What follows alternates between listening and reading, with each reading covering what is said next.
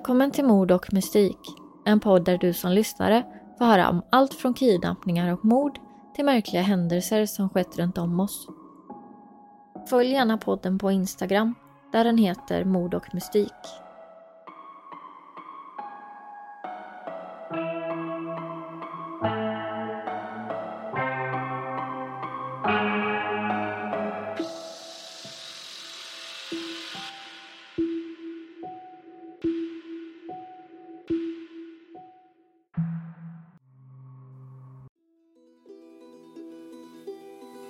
Detta är fortsättningen på berättelsen om Austin Haroff. I förra delen fick vi höra om attacken mot John och Michelle Stevens. Austin har nu återfått sitt medvetande på sjukhuset och blodanalysen har kommit tillbaks. En blodanalys som bekräftar det Austin själv påstått, att attacken inte orsakas av droger. Välkommen till del 2.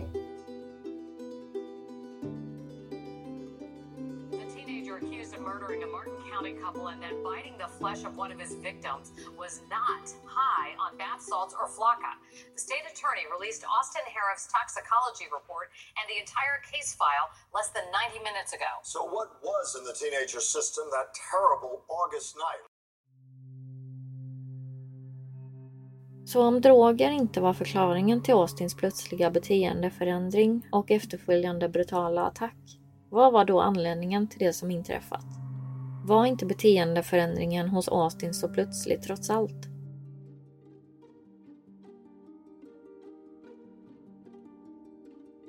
För att hitta en förklaring till attacken, nu när drogutlöst psykos inte verkade vara svaret, började man granska Austins liv i detalj. Och det dröjde inte länge innan man gjorde konstiga fynd i hans anteckningar på telefonen och sökhistorik på nätet. Månaderna innan attacken hade Austin skrivit mängder med anteckningar i sin telefon och även olika dikter i marginalen i sina anteckningsblock i skolan. En text man hittar i början i en av hans böcker är följande. Folk tror jag är galen. Jag ser vår skapares kraft runt omkring mig och jag väljer att ignorera det.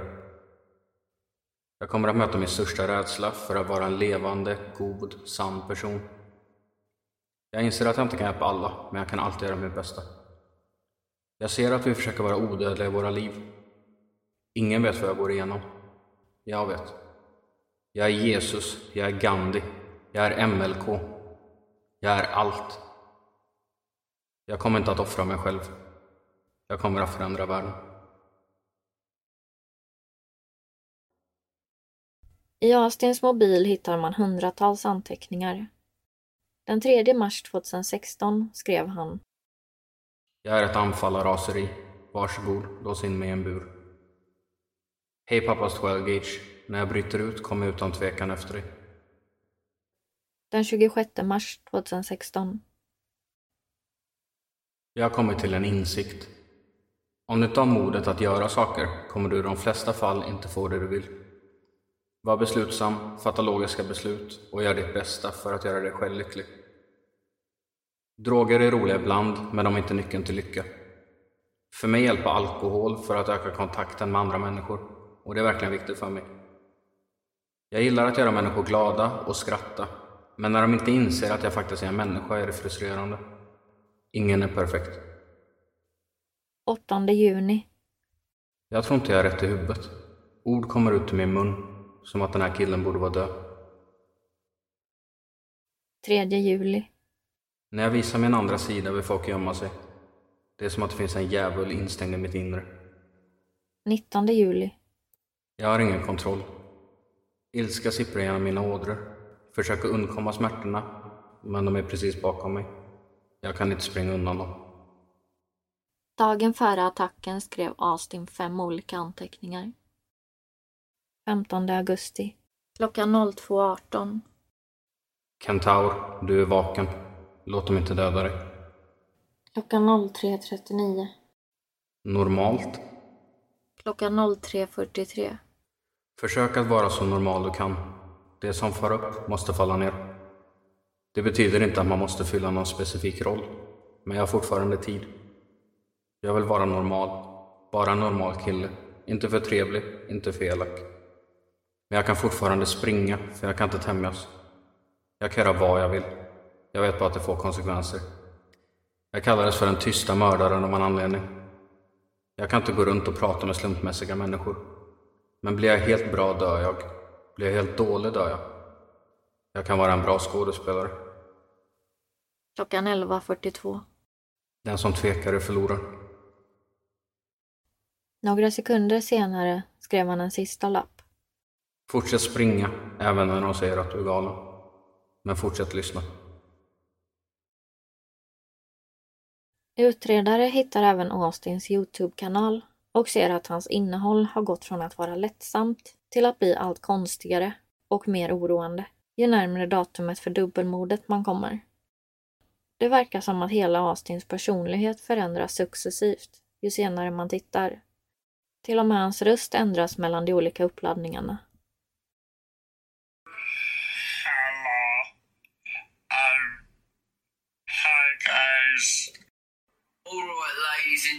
Gentlemen, today's video is about doing the vacuum pose. Hello ladies and gentlemen, I'm about to perform Let It Be by Austy Frosty, the one and only, the legend, the myth, the king, Elvis Reborn, baby. Elvis Reborn.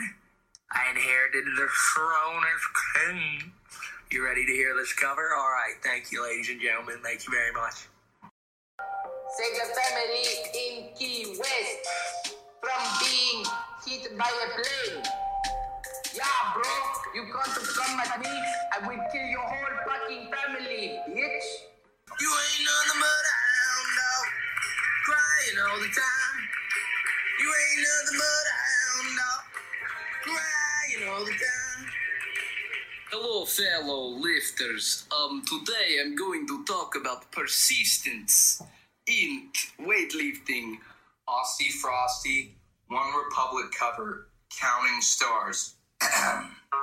Lately, I've been, I've been losing sleep, dreaming about the things that we could be. I'm like Bugs Bunny. I stick my teeth in because it's funny. I'm a Looney Tune. I take a lot of shrooms. I do a lot of stuff that I shouldn't do. Sista videon lades ut 11 augusti 2016. Bara fyra dagar innan morden på John och Michelle Stevens. What's up, guys? I just want to let you know that I came to a realization of something. I no longer want to follow Arnold or any other bodybuilder. I want to follow myself, you know? I want to actually believe in myself. I want to learn from other things, other people, other bodybuilders and stuff. But I just know that they're not me, you know? I know what's right for me. I don't need drugs. I know that they can change me. But the thing is, that's not being healthy, you know? Being healthy is what's natural, you know? We're all the same, though. Peace out. När man jämför Austins sökhistorik under samma period ser man flera tecken på denna mörka sida av honom. Han gör mängder av sökningar på galenskap, hjärntvätt, American Psycho, djävulen och psykisk ohälsa. I juli googlade han Hur vet jag att jag inte är galen? 8 augusti 1931 Hur vet du om du håller på att bli galen? 1940 Kan vi verkligen kontrollera mer än vi tror? 2002 Höra saker i sömnen? 2003 Exploderande huvudsyndrom? 9 augusti 01.24 Kan man göra en hjärntvätt ogjord? 2003 Vilka magiker är egentligen riktiga? 10 augusti 03.57 Hörselhallucination när jag somnar? 03.58 Schizofreni? 04.01 Jag tror jag håller på att bli galen. 11 augusti 02.17 Sömnlöshet efter Mariana? 23.34 Är myror bra? 12 augusti 06.45 Hur kan jag komma i kontakt med Oprah Winfrey? 07.37 Satan. 07.38 Vad är egentligen helvetet? 07.55 Lucifer. 13 augusti 09.42 Att förlora känslor. 14 augusti 06.00 Vit magi. 16.07 Vad är jag? 15 augusti samma dag som attacken 01.03 Kentaur. 01.58 Vad är det svagaste med en kentaur? 02.00 Vad är det största hjälpmedlet för en kentaur? All utredning kring Austins liv vittnar om att han inte befann sig på ett bra ställe mentalt under sommaren. Hans pappa sa att det märkliga beteendet inte började där på restaurangen utan hade pågått under hela sommaren. Hans familj la också märke till konstiga beteenden hos Austin under sommarlovet. Han gick runt i huset om nätterna och när de konfronterade honom sa han att han skyddade dem mot en ond närvaro. Situationen blev så obehaglig att hans syster valde att börja låsa sin dörr om nätterna när Austin var hemma. Hon berättar senare att han ska ha gjort konstiga uttalanden om att han var odödlig och att han var hälften människa och hälften häst. Vilket är en mytologisk varelse som kallas kentaur, vilket återfinns senare i hans internetsökningar. Även i Dr. Phil-intervjun med Austin hittar man bevis för att Austin ska ha lidit av en psykisk sjukdom. So, in looking back, you recognize that there has been a period of time, weeks, even months, that you have been losing touch with reality. Yeah. That you've had paranoia, that you have had ideas of, of grandiosity, superpowers, being worshipped, all, I mean, godlike sorts of things that have gone on Yeah. with you. And this wasn't something that just happened one night. This was something that's gone on with you for a period of time. Yeah, I guess so. Were you aware that you had made a shift in your thinking that was making people uncomfortable? Um, not really. Like, like I was aware that I became more serious in things, but I wasn't aware that I was pushing people away, and I, I didn't know it was affecting my relationships with my friends. You say when you left the restaurant that night, the night of the incident, that when you left there, were you confused? Or were you thinking straight in your opinion? I don't remember thinking at all. I just, it's like a blur, sort of. So, I, don't- I don't, I don't think I was thinking straight. Enligt Austin blev han skrämd av en individ vid namn Daniel, som Austin ska ha blivit så rädd för att han flydde för att söka skydd i garaget under mordkvällen. Denna Daniel har dock aldrig existerat, annat än i Austins tankar. How long was it after you left that you saw Daniel? Was it 10 minutes, 30 minutes, a mile away, half a mile away? I think, uh, five minutes from the house. So, Uh-huh. I don't know how far it would have been. Okay. But right when I saw him, I panicked and tried to get help. Were you running or walking when you saw him? Uh, I think I was running, but I don't have a clear memory. Take me through, and I, I mean, this is just from your experience. There's no right or wrong answer here. Just from your experience, take me through the moment you saw Daniel.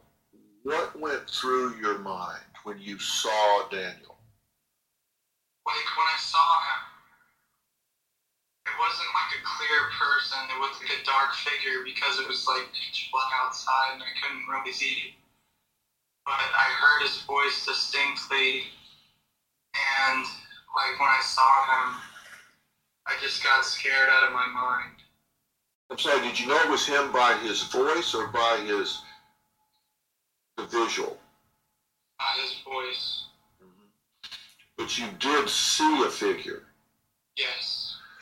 And what did the voice say that scared you? Mhm. What happened? You, you just, hey, Austin, and I just got scared for some reason.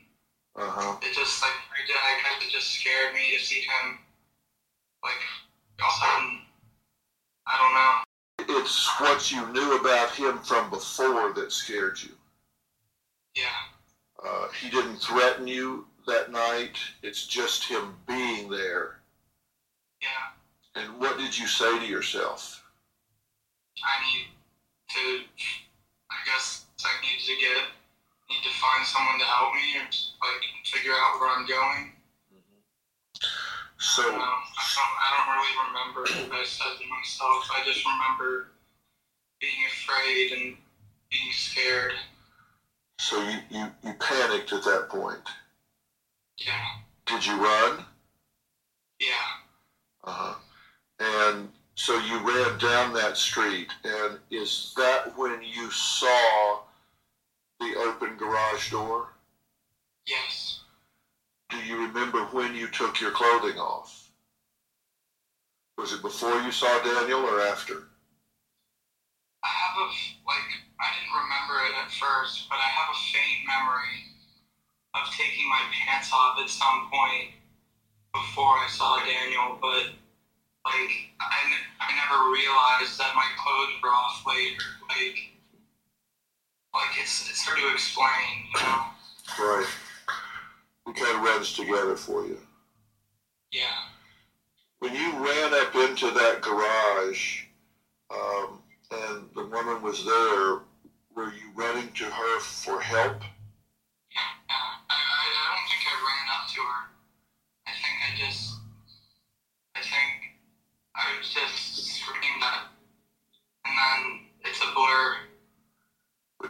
Just your voice? You yelled.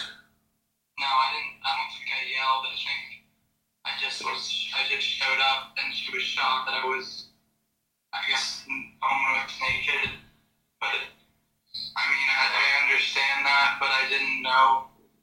I didn't know I was not clothed properly. Right. Do you remember the first thing that she said? No. I don't remember what she said. Do you I just remember? remember being yelled at. Do you remember what happened next? Not, no. I, I don't, I don't, like, I have some memory of what happened, but I don't remember how we got in, into the altercation or into the fighting. I don't, I don't remember. Do you remember her husband coming out? Yeah. Uh huh. And do you remember what he said? No. You said that you had a machete at that point. Do you remember where you got it? I think somewhere in the garage. I don't know. I think in the left left corner or something. I don't know. Do you know why you picked it up? No. I think I don't know. And was there a time during this incident that you realized what was going on? No. Like I didn't. It's like it's like it happened, but I I don't. Like it's distorted. Like it happened, but like I wasn't aware of it at the time. Like I remember, like at the end, I remember leaving a dog hijacking their car, You remember leaving a, seeing a dog in what? saving a dog and hijacking their car. uh-huh. And then it's a blur. Right. Have you seen a picture of this couple uh, Yes, since the incident? yes. When you, you saw that picture and realized that these were the people that this has happened to, how did you feel?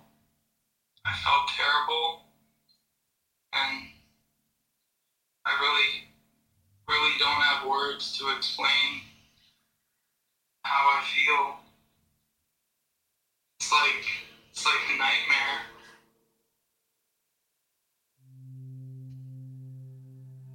I Florida krävs det att det uppvisas övertygande bevis för att en åtalad inte kan förstå konsekvenserna av sina handlingar.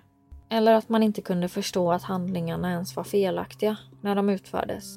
För att klassas som galen i rätten och därmed anses ha minskat ansvar för sitt brott. Intervjun användes i rätten där svaren på följande frågor ansågs vara extra viktiga. Is it hard for you to imagine that you did this to these two people? Yeah. It's the hardest thing I've ever gone through, or I never imagined that this would ever happen. And I'm deeply sorry to the family that was affected. And I hope that something like this never happens again. I I didn't ever want to consciously do something like this, or I never planned it. I never I didn't want to do it. And like I don't know I don't know what to say. If their family members are watching this right now, what do you say to them? Look into the camera right now, and if they're watching, what do you say to them? I'm sorry for their loss and I hope that you can find it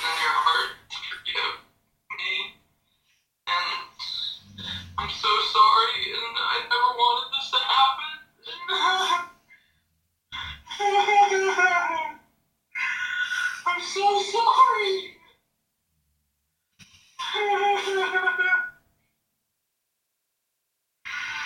It's like a nightmare.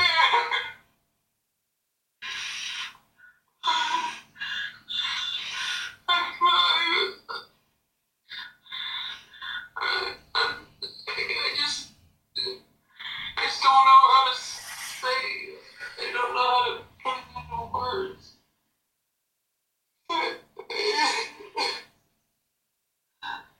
I never wanted this to happen.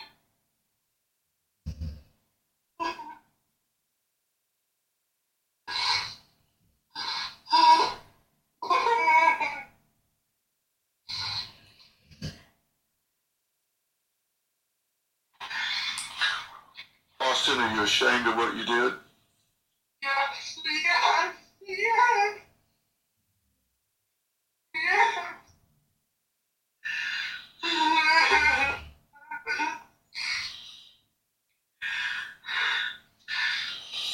I just want to let them know that I'm sorry. I can imagine how it must feel to lose such a close relative. And it was what happened to me.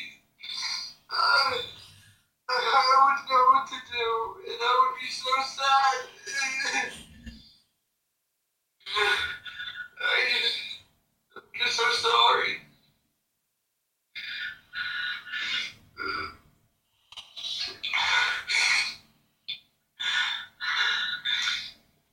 Did you leave? Did you leave that restaurant wanting to hurt anyone? No, no, Why did you do it? I don't know. I don't know. If I knew, I would tell you. Do you think you're mentally ill? I guess so. I didn't know though. Det är än idag inte klarlagt hur mycket av attacken som Austin minns. Och man vet inte heller varför han bestämde sig för att attackera två för honom helt okända personer. Enligt Austins advokat orsakades handlingarna av hans psykiska tillstånd som gjorde att han fick både hörsel och synhallucinationer paranoia och förföljelsemani. Detta har folk i Austins närhet kunnat bekräfta. Hans pappa sa vid ett tillfälle att det varit tydligt att hans son lidit av en psykisk störning under en längre tid innan morden. Austin Harroff åtalas för mord i två fall. Ett fall av försök till mord och ett fall av väpnat inbrott med överfall. Austins försvar använde intervjun med Dr. Phil för att påvisa att han led av ett försämrat mentalt tillstånd. Men detta har mötts av kritik från bland annat John Stevens, som är det manliga offrets son, som menar att Austin inte har varit genuin i intervjun utan haft sitt psykiska mående som en ursäkt för morden. So I don't, I don't really think he cares. I think Austin feels primarily sorry for himself. If Austin wants to apologize, he should abandon his legal defense, tell us the truth. He's not crazy. He's he's just not. He's you know an evil person, and he deserves to be in jail. And if he acknowledged that, I mean we can start there. But but this apology, I mean I absolutely reject it.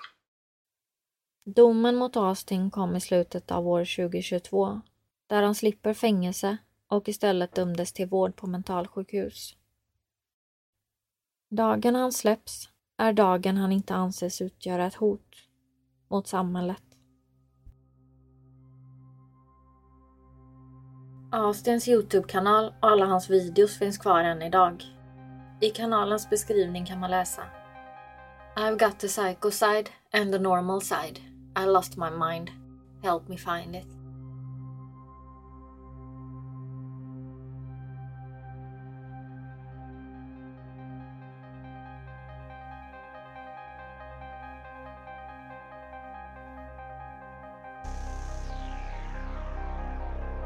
Detta var allt som vi på Mord och Mystik hade att bjuda på denna vecka. Tack för att ni har lyssnat.